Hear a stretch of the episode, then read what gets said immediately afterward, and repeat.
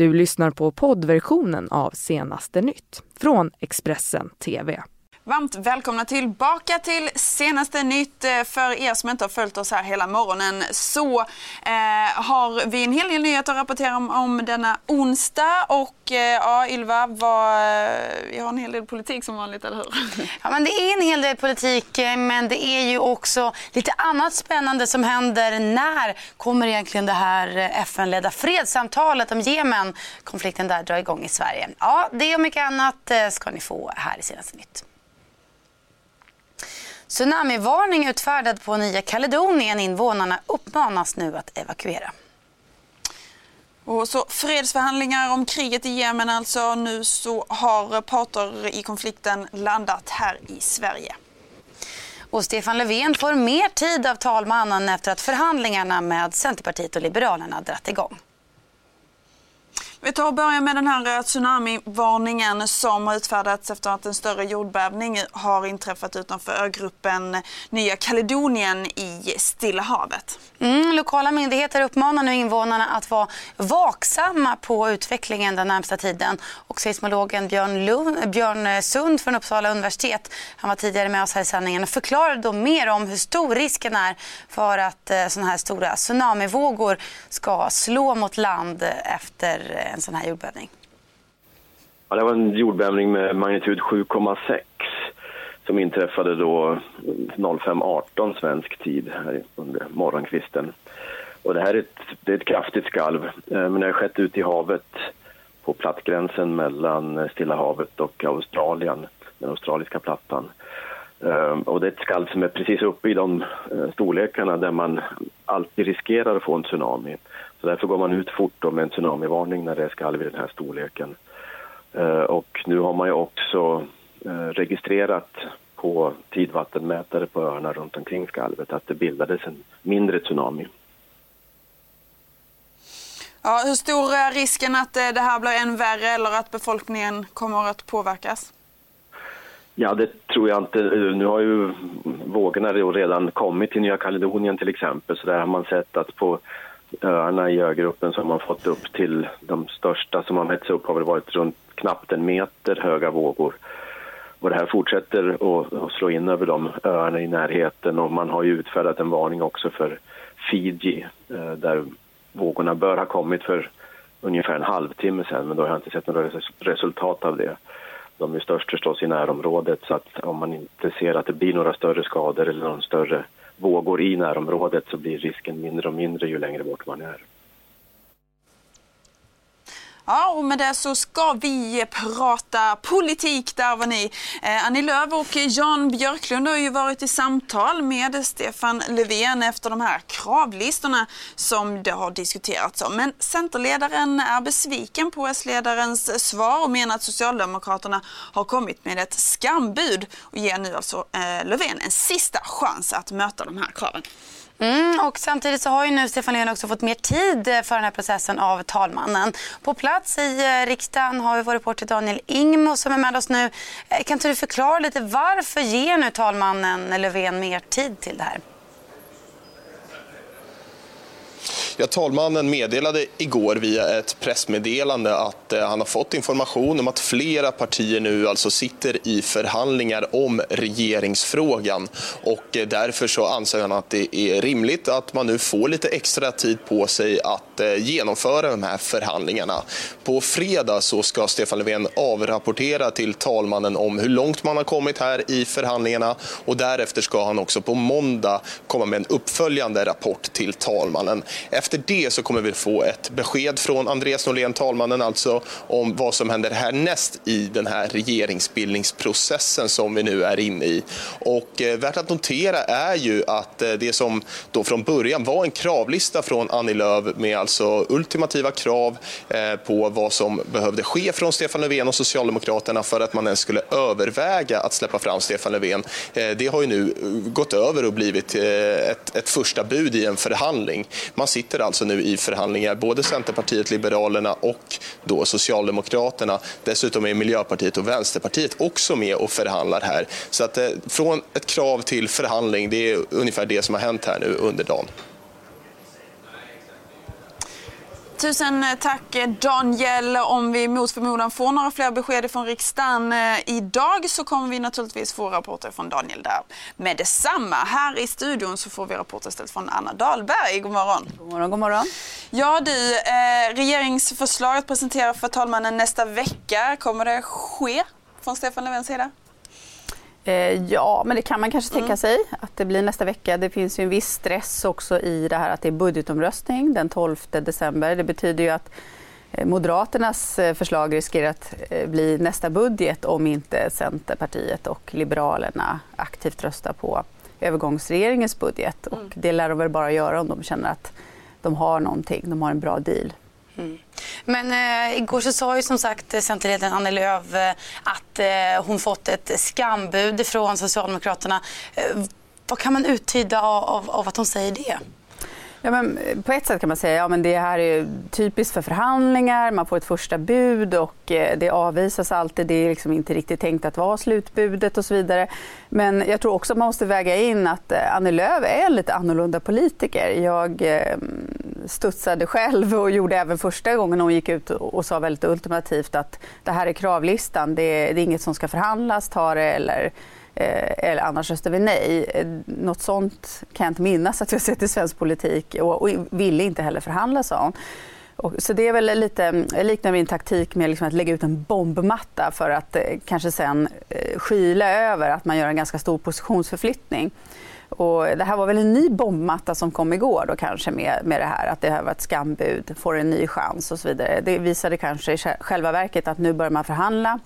Man kan acceptera eh, mer än, eh, man, kan, man kan acceptera mer än vad man först sa och hon för också in nya frågor eh, på agendan. Tidigare så var det bara de här väldigt, väldigt eh, eh kontroversiella frågorna om arbetsrätt och så vidare. Nu, nu märker man att hon lyfter in lite fler frågor så då kan man säga att ah, men titta, vi vann här eh, i alla fall. Eller så. Det känns ju ändå skönt eh, att det har börjat förhandlas en del men det lär ju vara hett nu kring Stefan Löfven. Han har ju också fått en kravlista ifrån eh, Vänsterpartiet. Det är ju två helt olika sidor här han har att förhålla sig till. Mm. Hur ska han egentligen lösa det här? Eller vad kommer han göra? Ja, min bild av hur han agerar nu är att han tänker att han förhandlar bara mot Centerpartiet och Liberalerna eh, och sen kanske han tänker att Miljöpartiet de får sitta kvar i regering och därmed får de nöja sig. De får liksom mm. sina miljöfrågor.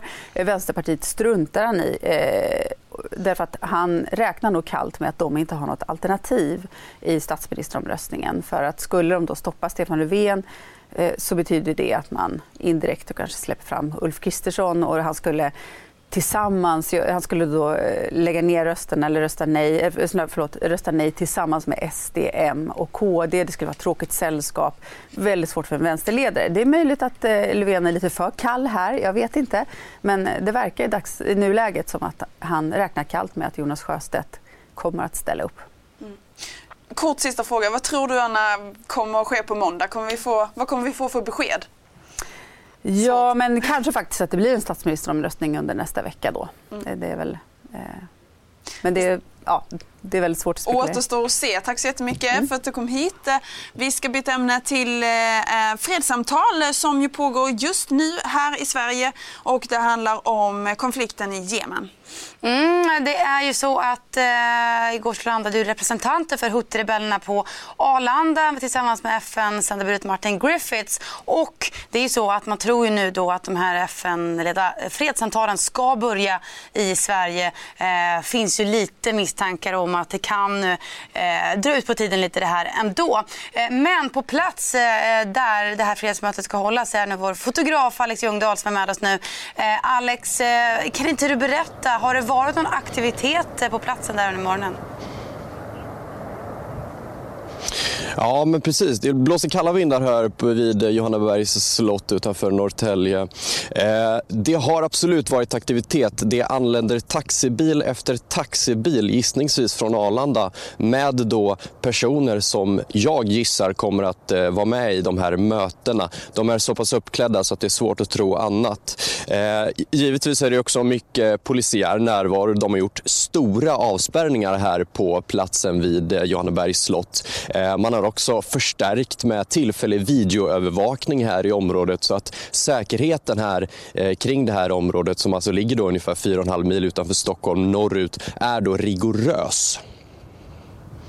Det blåser kalla vindar där ute som du sa där vi hoppas att eh, det inte blåser kalla vindar under mötet, att det här går väl. Men vad är det för typ av plats eh, som det här mötet hålls på? Ja, men det här är ju alltså en eh man ska säga, en, en kursgård kanske, eller konferensanläggning helt enkelt, som ligger då strategiskt ungefär två mil eh, eh, ifrån Arlanda flygplats norr om Stockholm. Så att, eh, det är en plats man har valt med omsorg. Det ligger mitt ute på landsbygden. Det är mycket landsväg för att ta sig hit och det ligger också uppe på en höjd. Som ni kanske ser här bakom mig så är ju slottet precis här uppe på en höjd. Och omgivande terräng är också, det är en golfbana precis här framför mig och runt om så är det också stora fältytor. Så att för polisens del så är det väldigt lätt att ha en, eh, en bra övervakning kring det här området. Så att gissningsvis så är det så att man har valt det här området, eh, det här, den här platsen rättare sagt med, med stor omsorg just för med tanke på det här stora säkerhetstänket då som, som, rör sig här, eh, som det rör sig om här på, på den här platsen. Man har gjort extremt stora avspärrningar. Jag vet inte om, om ni ser detta i bild, men runt hela, den här, hela det här området. Och det finns alltså poliser utplacerade på, på, på Eh, i varje hörn här. Eh, så att eh, det är en plats man har valt med stor omsorg skulle jag säga. Ja, men då tackar vi dig så jättemycket där Alex Ljungdahl för den rapporten. Fredssamtalen alltså har kommit igång. Och nu ska vi helt byta ämne. Eller ja, december är ju här och det börjar ju lacka mot jul. Mm, och det tycker ju inte jag är superkul. Men jag vill ju inte på de här traditionerna rucka. Nej, så vi tar och tittar vad som gömmer sig bakom nästa lucka.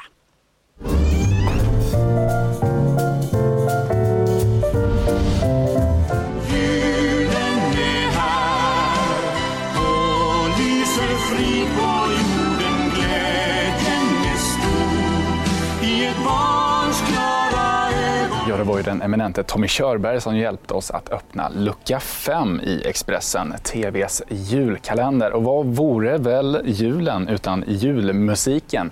Vi har fått hjälp från Spotify att ta fram eh, den musiken som svenskarna lyssnar mest på. Och det visar sig, kanske inte allt för överraskande, att vi är ganska traditionella i våra musikval.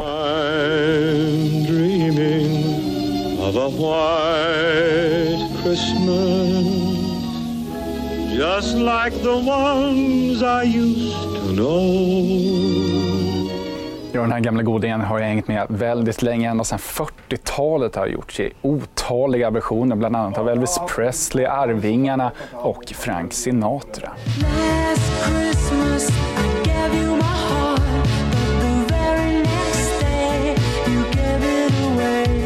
Ja, det var ju en ung George Michael som skymtade förbi där och sen 1984 har den här juldängan med Wham varit ett stående inslag bland svenskarnas julspellistor.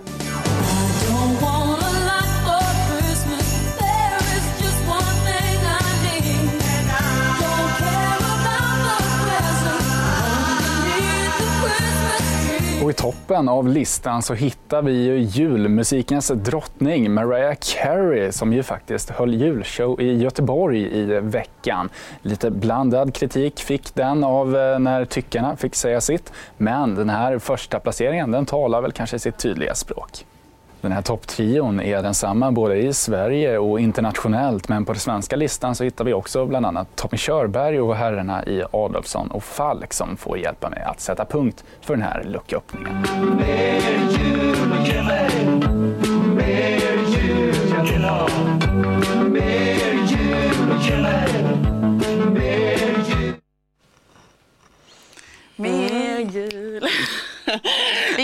Favoritjullåt, Jenny? ja, det var faktiskt inte den, men vi får få in lite julstämning hos dig, Ylva. Jag får kämpa på julen. Eh, något annat som vi kämpar vidare med det är vår sändning här. Stanna kvar med oss för mer nyheter. Du har lyssnat på poddversionen av Senaste nytt från Expressen TV. Ansvarig utgivare är Thomas Mattsson. Ett poddtips från Podplay. I podden Något Kaiko garanterar östgötarna Brutti och jag, Davva, dig en stor dos skratt. Där följer jag pladask för köttätandet igen. Man är lite som en jävla vampyr. Man har fått lite blodsmak och då måste man ha mer. Udda spaningar, fängslande anekdoter och en och annan arg rant. Jag måste ha mitt kaffe på morgonen för annars är jag ingen trevlig människa. Då är du ingen trevlig människa, punkt. Något Kaiko, hör du på Podplay. Därför är gardinerna.